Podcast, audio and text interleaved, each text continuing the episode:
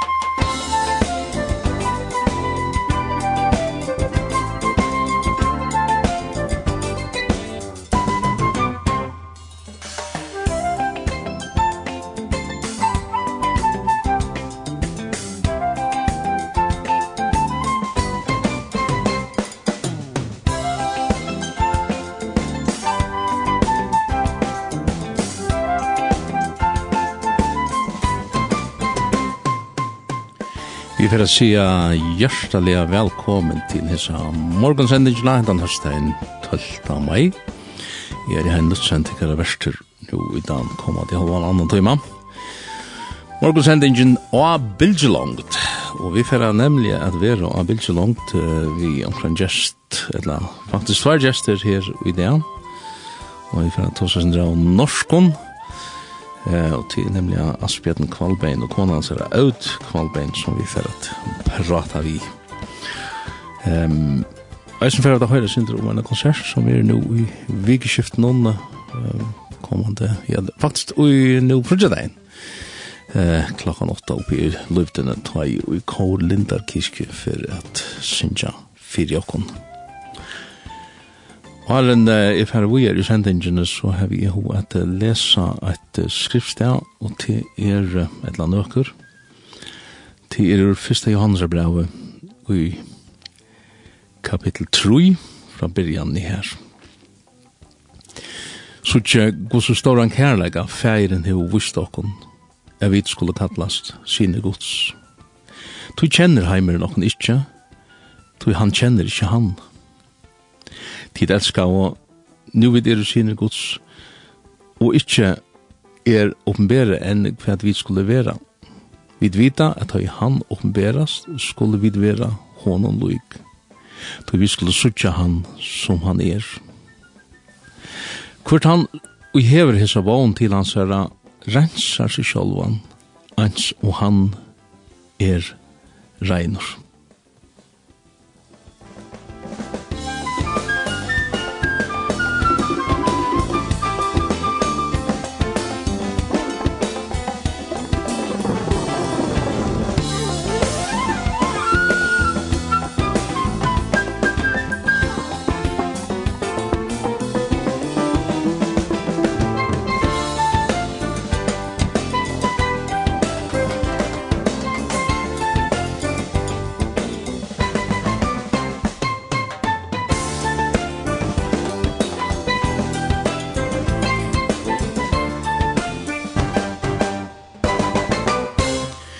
Og nu har vi så finnje gester i udarpstovene, og nu, nå skal vi slå over på, på norsk uh, Asbjørn Kvalbein.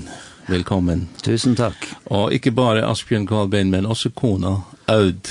Tusen takk. Kvalbein. Velkommen i Linden.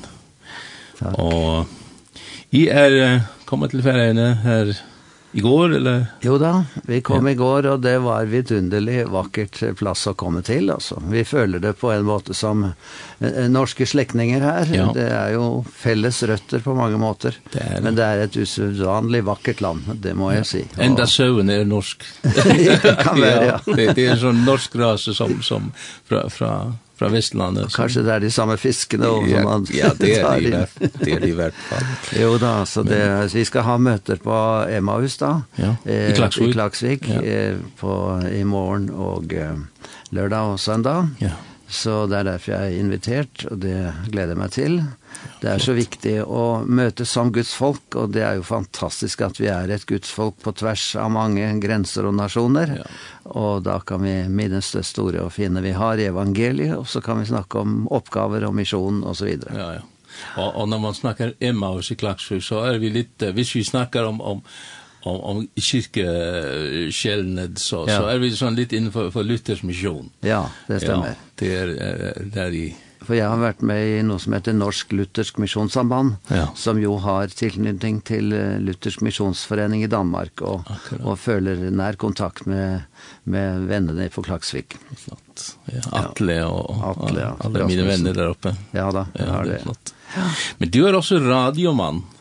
Ja, jeg begynte allerede som tenåring å interessere meg for det, og var med i Norea Radio, som nå heter Norea Mediemisjon. Mm -hmm. Da var jeg sånn ungdomsmedarbeider, og så ble jeg etter hvert knyttet til litteraturarbeid. Ungdom og tiden kom et som et tidsskrift for ungdom.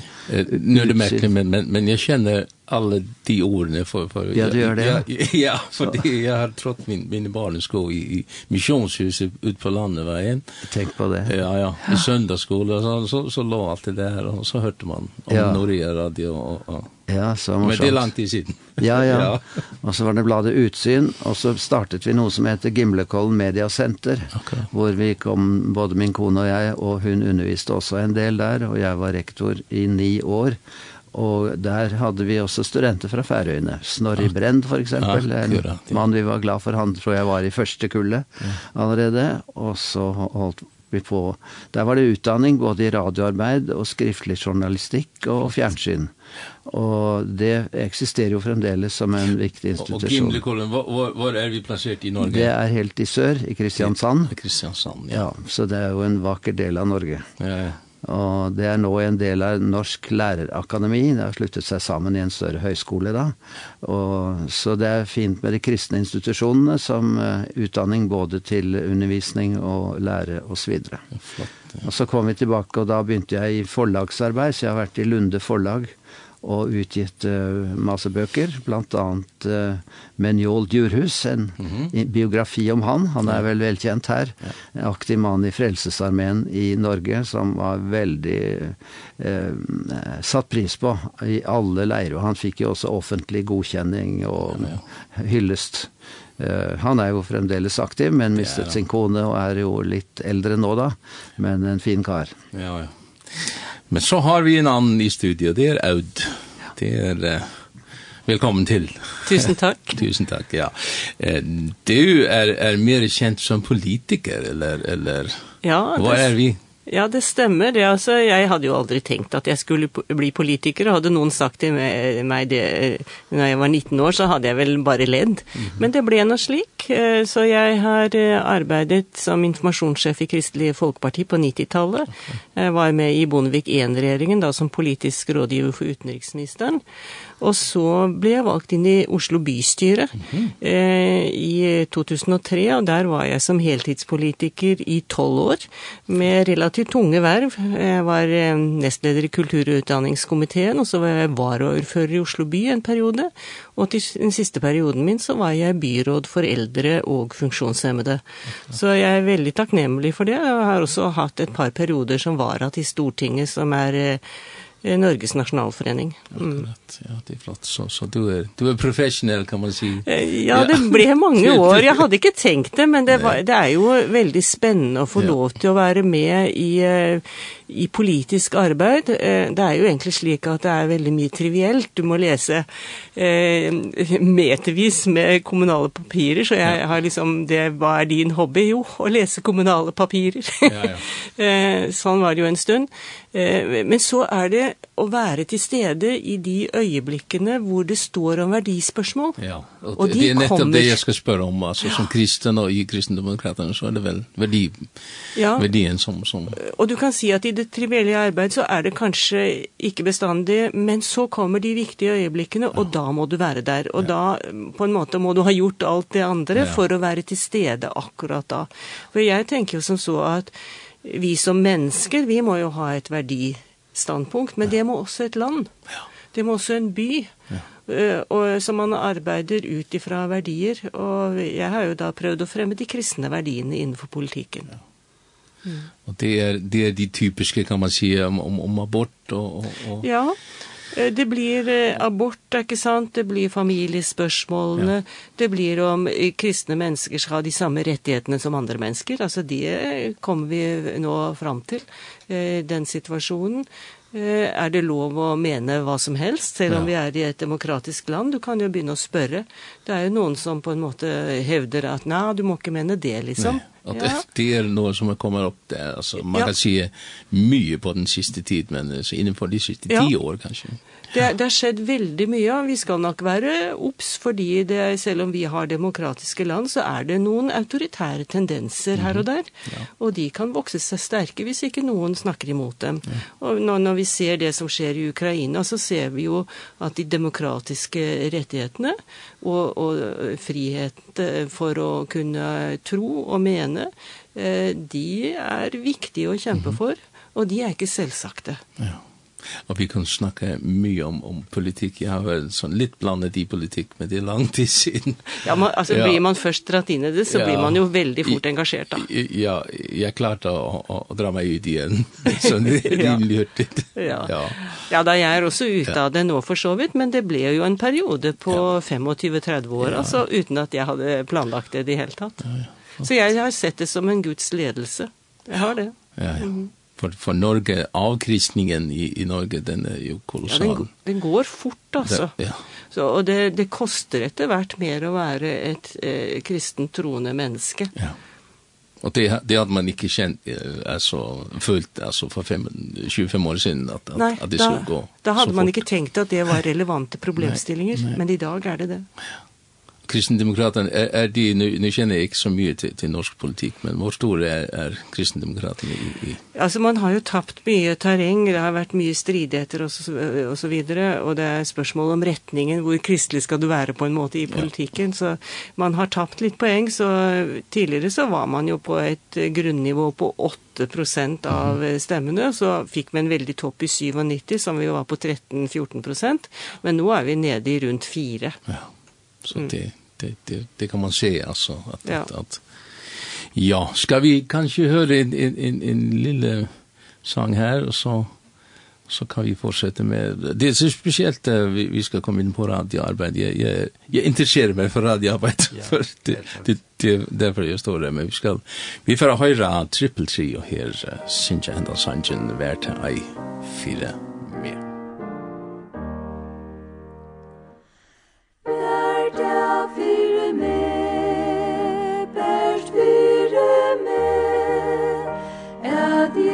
Jesus gikk en tunga.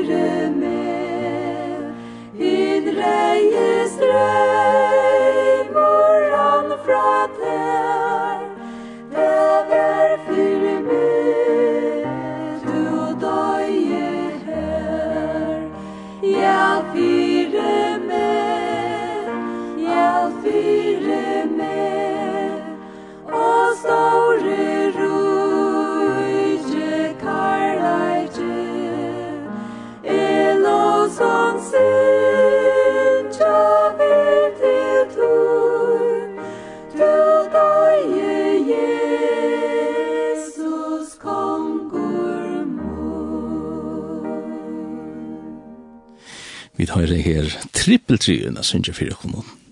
Hentan her sannsjen som heter Vært her fire med. Til lortar etter morgonsendingen her av Lintene, av Bilgelongt, og vi har gjester i utvarpstående Asbjørn Kvalbein og kona hans er Aud.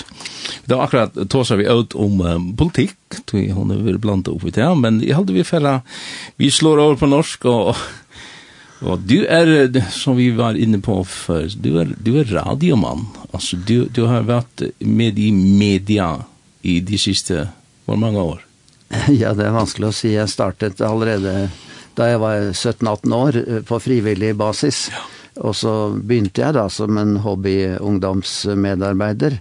Men eh, så har jeg gått mange veier om både litteratur og, og bladarbeid, og faktisk også fjernsynsarbeid nå. Men eh, radio ligger meg veldig på hjertet, for jeg har tro for at det er et medium som ikke blir gammeldags. Folk liker å ha radioen som en bakgrunn i hjemmet. Det er veldig greit i bilradio å lytte på radio. Eh, men dels så konkurrerer man jo i dag med et stort antall medier. Eh, Men det at du får en kanal som da, som den dere har her, som er trygg og god med profil, som man vet på forhånd hva man får, så kan man trygt ha det som en gjest i hjemmet, og skru opp og ned ettersom man vil. Men den måten å bruke radio på har jeg tro på vil overleve også i en ny medietid. Og, og tror du på FM også? ja, faktisk. Vi sender på FM i Oslo, ja. og politikerne vil ha alt over på DAB, men de innser at det er noen som står fast på FM. Mm. og, så vi er i Stor-Oslo by med en sender. Og det synes vi er veldig morsomt eh, hvordan fremtiden blir, det jeg har jo tro på at dette med DAB kanskje er en zeppeliner, som man sier. Ja. Eh, altså noe som kom og var en tid, men som ble gammeldags. Ja.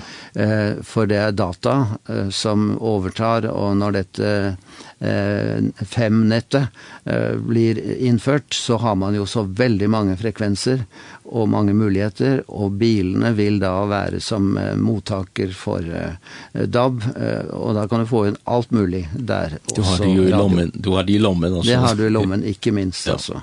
Så jeg tror det er fremtiden mer enn DAB. Men jeg vet ikke, har dere DAB her på Færøyene? Nei, nei, det kom aldri her. Nei, det kom aldri, kan du, du se. Det blir snakket om det, men, men det kom aldri så langt. Nei. nei. Men det er det samme, det viktigste er jo ikke de tekniske løsningene, men det at man har noe på hjertet, og det er jo det som jeg synes er så viktig, at radioen gir muligheter for både sang og musikk og korte innslag og vekkere, men også utlegging av Bibelen overlangs. Så jeg synes det er flott å høre om at dere kan ha bibeltimer på søndag kveld og, og breie det ut eh, i, i lengden. Det har jeg tro for. Vi snakker om i, i Norge både langsom TV og langsom radio, og det er at den går imot denne tendensen med å ha det så kjapt, kjapt. Ja. Uh, og det setter folk pris på, fordi at når vi snakker sammen i vår hverdag, så kan vi ikke alltid fare kjapt over ting. Vi liker å dvele med et tema mm. og, og ha tid på oss. Ja, ja. och den här den här stationen Linten vi vi är sån blandat av, av alla möjliga ja, sjangere. Ja. Sjangere og, och och om, om menigheter også. Altså, ja. det er sånn, sånn felles kirkelig, felles kristelig. Fint, ja. Ja, ja det, det, har, og det har fungert i, i 22 år, så ja, ja, ja det, det er en velsignelse, kan man si. Ja, det er det jo. Ja. ja. Ja. Det är det är sån lite ungdomsprogrammer men men mest kan, kanske morgon radio det det är liksom vårt huvud. Ja, det är det ja. Ja. ja. Men men det som i känner nu, alltså, det är nog som, som du nämnde Norea Radio. Ja. Vad vad är det? Och när startade det? Det startade i 1956 och då var det på kortbölge. Og akkurat som Færøyene er en sjømannsnasjon, så var jo Norge i stor grad det, og folk var vant til å bruke kortbølge og fiskeribølge og Så, videre. så da sendte vi, det var jo monopol i Norge, så vi sendte fra Monte Carlo helt nede ved Middelhavet, og det kom inn, og folk satte pris på korte setninger da, eller sendinger. Men så fikk vi eh, oppløsning av kringkastingsmonopolet i 1981, mm. og da fikk vi høve til å begynne med eh, lokalradio, nærradio, mange steder rundt om. Og da har Norea vært en eh, inspirasjon for en masse lokale radioer, mm. men har mer og mer satset på som organisasjon å nå de unådde i stengte land, og finansierer da sendinger på mange språk Men vi har altså en norsk sending som vi kaller Norea Plus, og det er en eh, sending på, på data, på, eh, på nettet, så den går jo an å få inn også her på Færøyene, og det er visentlig en kristen musikkradio da, men med forkynnende innslag hver hele time. Og vi har jo oppdaget at eh, det er de godt voksne som er de trofaste lytterne, mm både äldre och yngre. Man brukar å se också i NRK, vår nationalradio, att ju äldre man är, ju mer trofast radiolytter är man. Fordi vi är vokst opp, vi är äldre i radions gullalder. Så allt som är smaker av fjernsyn och det andra, det kom liksom lite extra.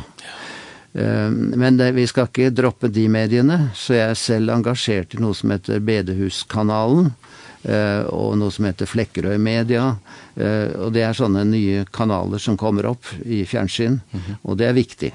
Eh, om vi når de unge med det er jo heller ikke helt sikkert, fordi de unge tenker sin egen musikk på Spotify og slike kanaler, og henter inn det de ønsker.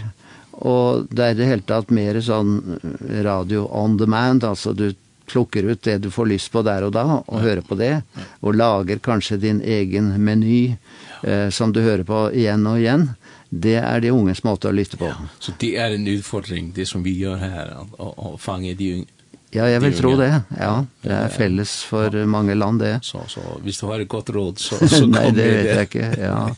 Men det är klart de unge måste snacka till de unga ja. och du måste ha unga som också bränner för radio då. Det är inte så lätt att finna dem, men jag är säker på att det kan nå in till de unga også, hvis en gör det riktigt. Ja. Vi hade en en uh, ungdoms sändning här igår aftes ja. så så Muffins heter det så ja. det var det. Där legger han en ja. annen musikkstil, ja, kanskje? Ja. ja. ja, og så snakker de sammen også. Nettopp. Ja, ja. ja. Men, men jeg vet ikke hvor, hvor mange som lytter til, til DNT. Nei? Nei. Men, for det, det er en utfordring. Ja. ja.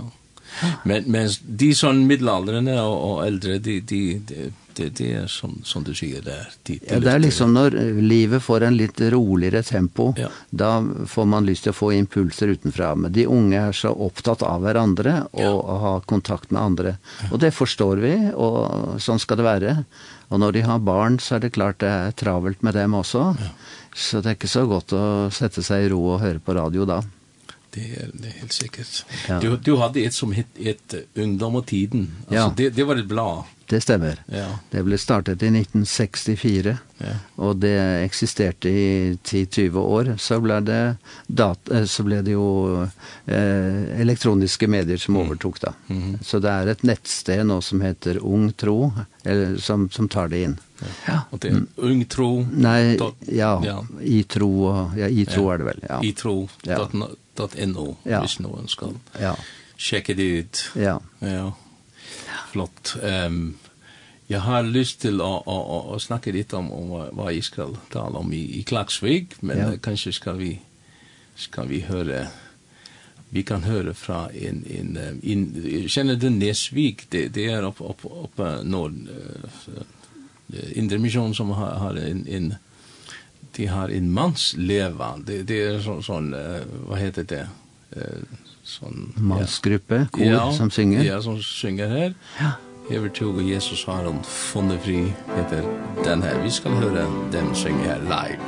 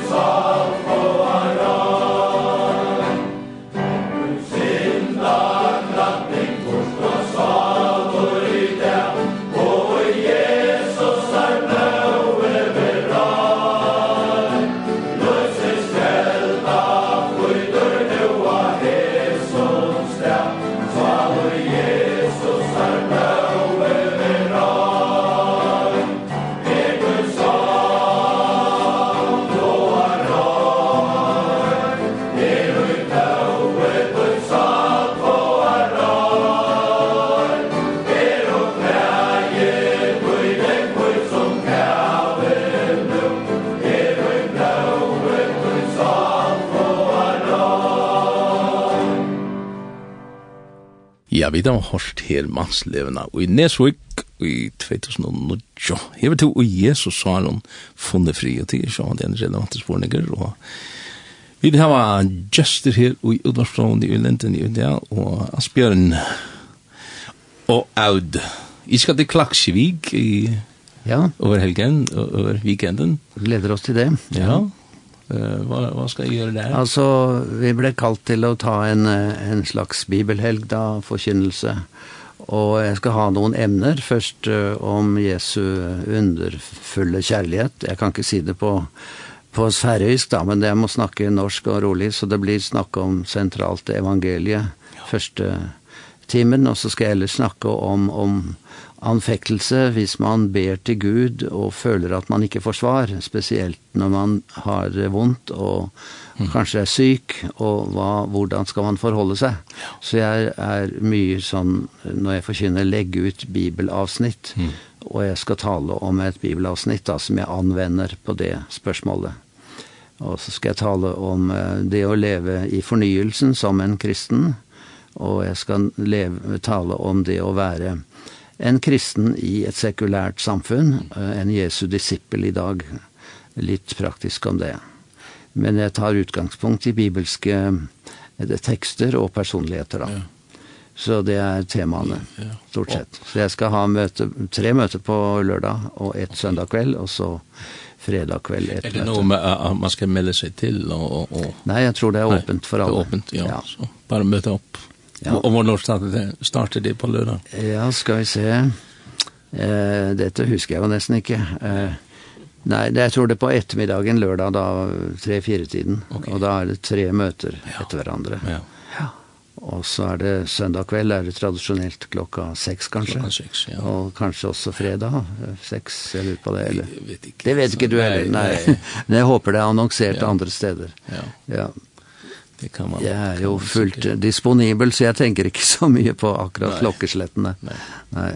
Men det kan man så finna ut av kanske finner ja. vi nog här på på nätet eller vad ja. det är så. Ja. Ja. Flott, men men det å att utlägga alltså från bibelhistoria är det liksom din Det är sterke sida eller? Ja, jag jag snakket nettopp om om det man attli att vi har forskjellige vinklinger och forskjellige interesseområder. Han är väldigt orienterad om läromässig dogmatik, mm. systematisk teologi, mens jag har varit alltid en intresserad i bibelutläggning, exegese og jag studerte jo i Amerika ett par år okay. och då var jag opptatt av det med expository preaching, mm. altså bibelutleggende forkynnelse, så det er mye den linjen jeg har lagt meg med på, men bruker også en del eksempler fra det daglige liv for å gjøre det aktuelt da. Ja, ja, så det, men har du skrivet noe om, om Litt om det, altså. Jeg har skrevet, ikke sånn prinsipielt om forkynnelse og sånn, men jeg har skrevet en del andagsbøker okay. eh, som har gått i bra opplag. Eh, eh, närmare heter det, och det är liksom närmare Gud och närmare varandra ja. som är tema där. Så har jag skrivit en bok som heter Trygg idag, som är en med korta andakter, och en andaktsbok som heter eh, ung, ung tro, Og så den seneste heter Et gode ord å gå på, en liten andagsbok. Så har jeg skrevet forskjellige andre bøker også, så det er vel over 20 bøker i alt da. Mm -hmm. ja. mm. Det er flott, ja närmare Gud, vi, vi må höra närmare Gud till dig. Ja, fint ja. ja. Jag har, jag har forskjellige som, som, som synger här. Ja. Det som heter skryck, vad är det? Det är Sunnmøre Kristelig Ungdomskor, ja, är det förkortelse för. Ska, ska vi kanske höra, ja. höra dem synge här närmare Gud till dig. Ja.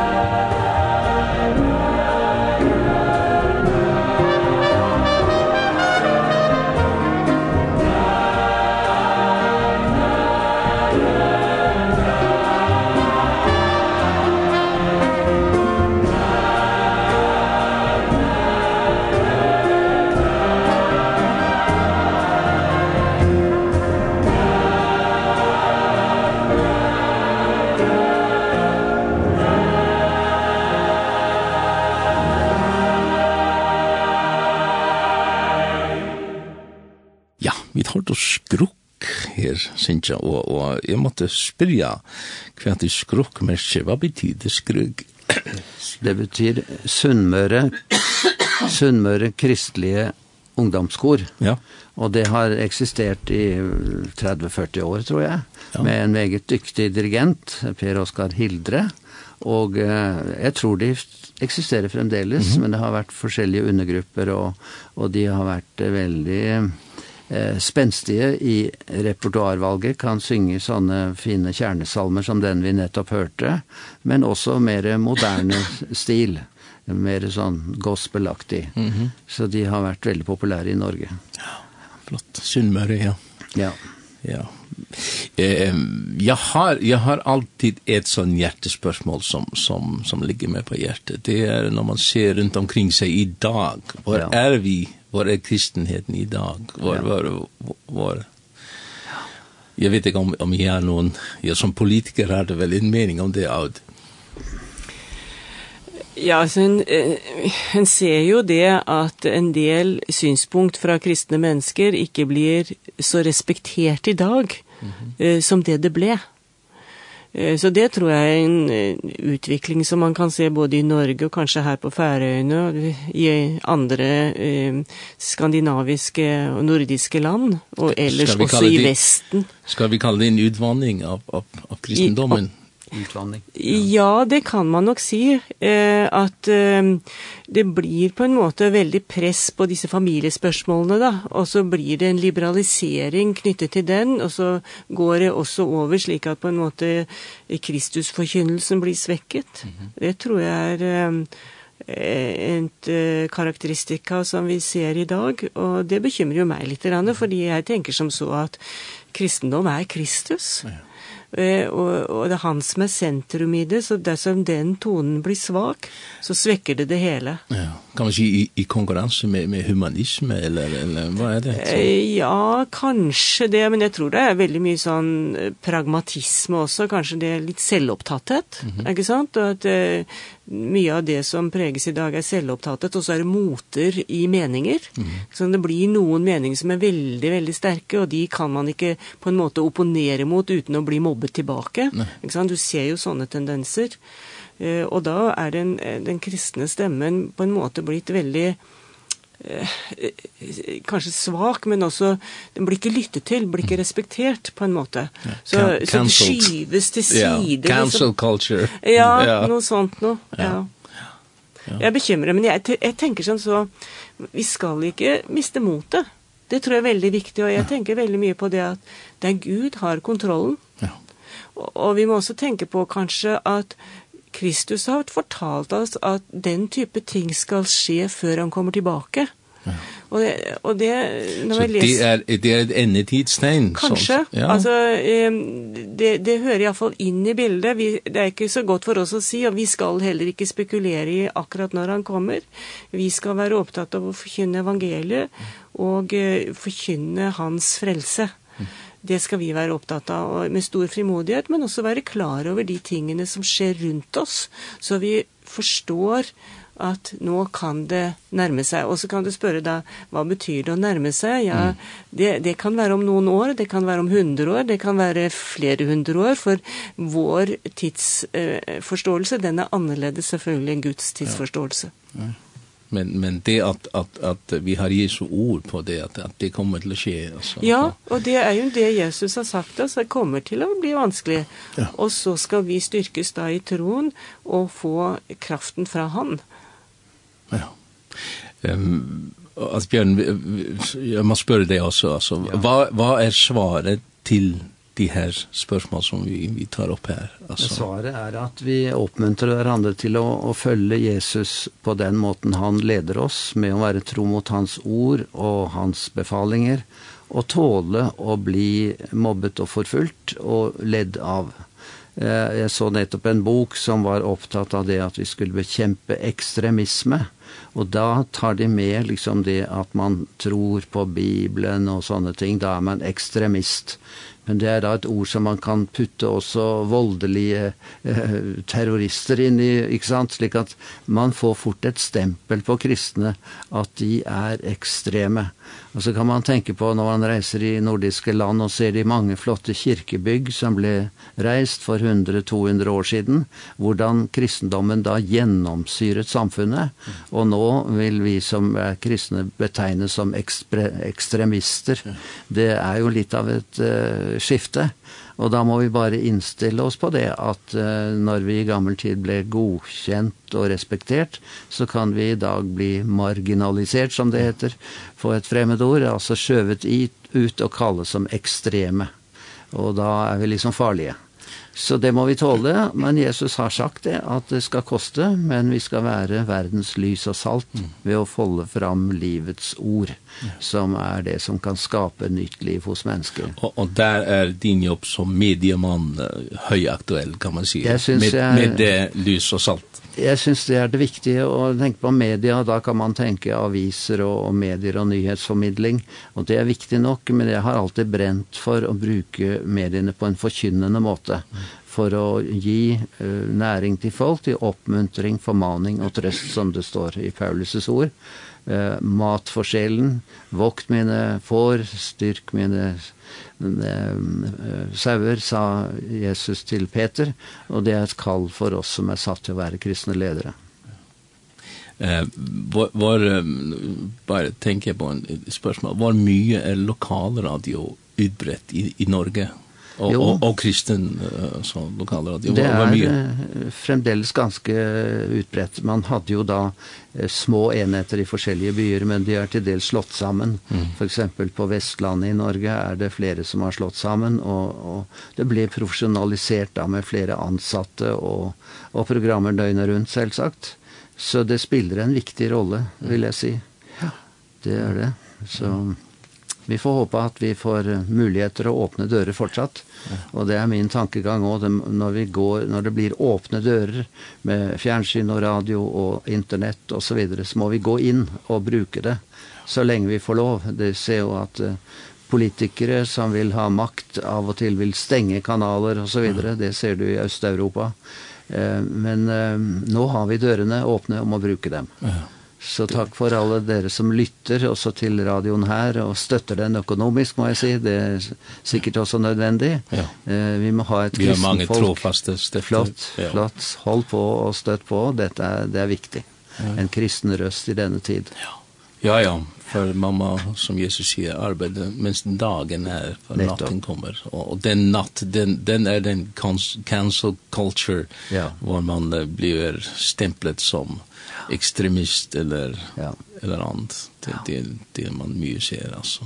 Ja. Och, men men också jag tänker också in inför kristenheten att att att det är en sån utvandethet alltså evangeliet så är det det ja. ja. Det är lätt att evangeliet blir omformat till ja. bara terapi eller meditation eller ett land ja. så ja. Det det ja, man kan se det också, också här på på Färöarna alltså. Ja man kan si det som skjer under navnet av kristenheten men ja. men är det det alltså nettopp. Ja. Nej, det är ord om korset som är det centrala och så får man bygge det ut därifrån. Vi vi är tillbaka till Luther. ja, ja, ja, han så noe viktig. ja. Ja. Ja, ord om korset. Ja. ja. Ja, vi, vi ska bare bara beskriva Orion korset, bare si det som det er. ja, nej, det är, nu, nu det. Det är Kristi dyre blod som är gitt för soning för våra synder, och ikke minst tatt bort av det skyldbrevet som hefter med oss eh, da han naglade till korset. Och därmed så är vi fri till att leve trygg inför Gud och Guds dom. Han har gjort det som skal göras så vi kan bli frälst det er ordet om korset. Ja. Det, er ikke, det kommer ikke an på vår fromhet eller vår evne til å, å være fullkomne, men det er Kristi rettferdiggjørelse vi lever på. Ja, det er flott. Och det leder mig så till Marit och Irene som sjunger, sjunger här år om korset och vi kan kanske ende med med den sangen här och jag vill bara säga tusen tack för att vi ville komme förbi och, og fortelle om, om deres ja. Takk for för att vi fikk komme. Ja. Tusen tack. Och, uh, vi påminner om att i Klaxvik eh, klockan, eh, ja, lärdagen, klockan, vi vill finna nær, nær til er, om det er klockan fyra och, och igjen, så vera Asbjørn og Aud i Emmaus i Klaksvøk, og her færre til at oss om. Om imest uh, eisen imot til det som vi da har hørt her. Og i det, og så sånne kvalitet klokkan seks, så vera det eisen her i Emmaus i Klagsvik. Bare litt reklame for, for Eres. hvor, hvor lenge kommer I å hålla på vi her? Vi reiser dagen etter 16. Ja. Vi er nødt til å komme hjem til 17. mai, som er en stor dag i Norge. 17. mai, ja, det er, det er nasjonal. ja. ja. Skal de ha nasjonalbunad? Å ja da, her er en fin bunad. Og, ja. ja da. Det må man. Det må, och, ja. og samles man så i Oslo eller eller Vi vi har ett litet landsted norr för Oslo i Hurdal så vi kommer att vara där men ja, vi förlorar også i Oslo lite. Ja. ja. Vad hva sker eller på på 17 mai? alltså. Det är barnetåg, det er uh, kafeterier och samlingar och tale för dagen och ja. och möter. Det är det också. Vi har en sån liknande Ja, Ola söka heter Ja, så fint. Ja. Men vi kan väl kanske se att det allra viktigaste 17 maj sker ju i huvudstaden då, för där är det ju en stor tåg med skolebarn mm -hmm. som går upp över huvudgatan i Oslo okay. eh, upp till slottet till kungen och hilser på kongfamiljen och det eh, barnetåget i Oslo det varar i 3-4 timmar. Flott. Så det är det eh, största eh, ja. som då visas över hela landet och så är det många 17 maj tåg över hela landet som ja. är lite mindre mindre selvfølgelig. Um, og så spiser folk uh, god mat sammen, ikke sant? 17. mai-lunsjer og 17. mai-frokoster, og så er det konserter og nasjonalsanger og så videre. Det er en stor festdag i Norge hvor det norske flagget veier over landet, og i det norske flagget er det jo fortsatt et kors, kors akkurat som det er et kors i det færøyske flagget. Og det skal vi være glad for, tror jeg. Ja. Og, og det er, det er under press, kan man sige mm. i, i noen land også. Det är er også her, här no, någon som vil ha korset dit. Så det, det er inte kanske det må man verne på det. Definitivt. Och det så kommer det tisdag att 17 mai er, så. Mm. Det är det er nästa uke. Tusen takk ska jag ha för att ni kom förbi. Tack, tack för at jeg fick. Vi får høre sanchen här. Marit og Irene Sintja, året om korset.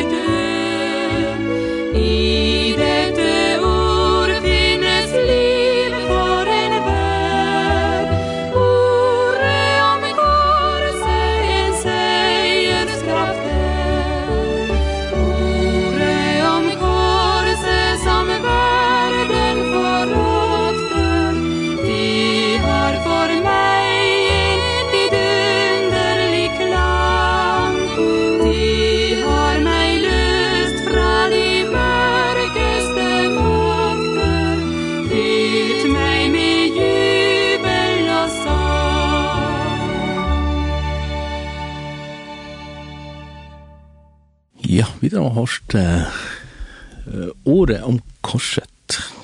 til er um, i til det som vi tar seg om beint frem og noen det som ligger uh, Asbjørn Kvalbein av Gjerstad. Og um, nu har vi finnes skrona her sendande til vikeskiftes møter i Emmaus, den fra 13. til 15. mai. Her kunne vi bare lese bant borster ur skronne. Asbjørn Kvalbein taler til møtene og hever bibeltimer.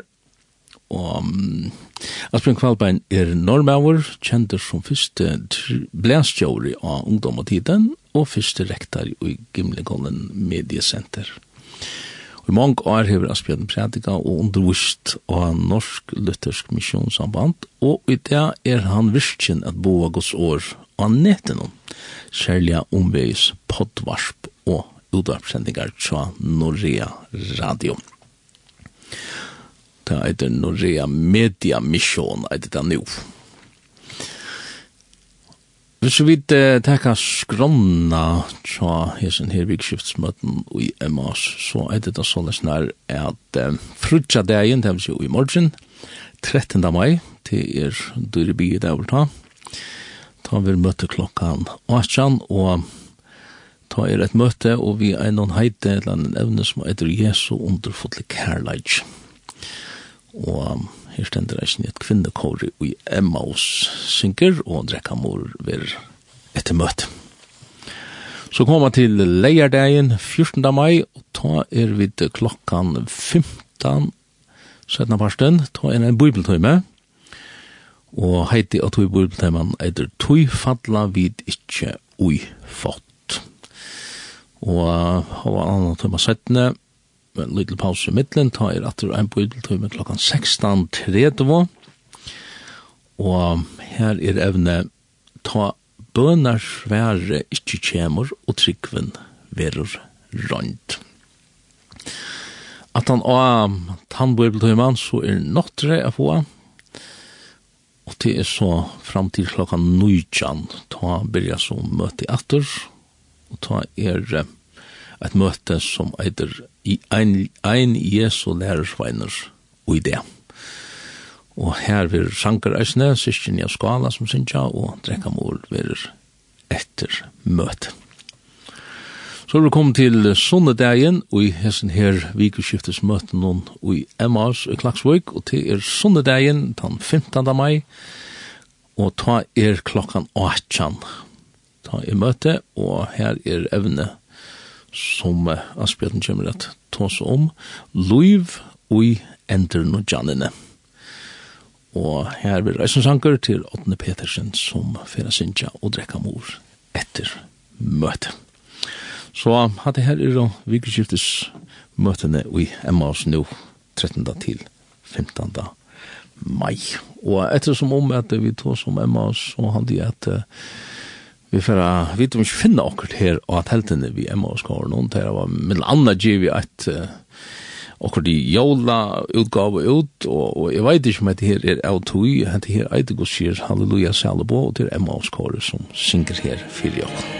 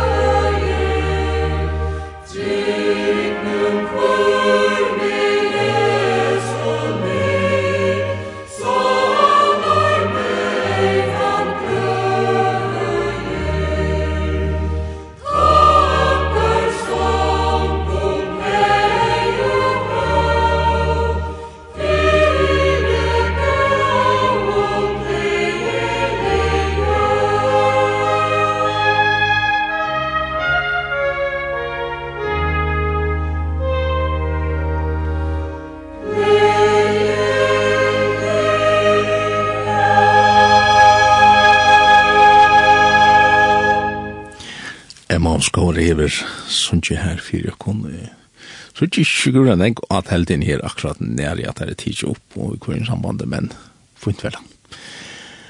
Uh, og i hans sendingene så har vi da haft og har vært prat vi tjonene Aud og Asbjørn Kvalbein, som fyrir at vi er i Klagsvug i Emmas, nu i vikskift langt i morgen vi er akkurat, og så leir og sunne dagen. Uh, til er, ja, halte i sjolver vel et avhåvers prat, særlig om, om radio og, og annet godt. Og vi hesson årene så fer jeg har lyst til å si tusen takk for at tid uh, vil da være vi og her er i feriene. Vi har annan tøyma og bilge langt. Og hendan sendingen blir endsendt i kveld klokken tjei og så atter leier det er typisk hvis du ikke hørte det. Og vi hesson årene så sier tusen takk for meg.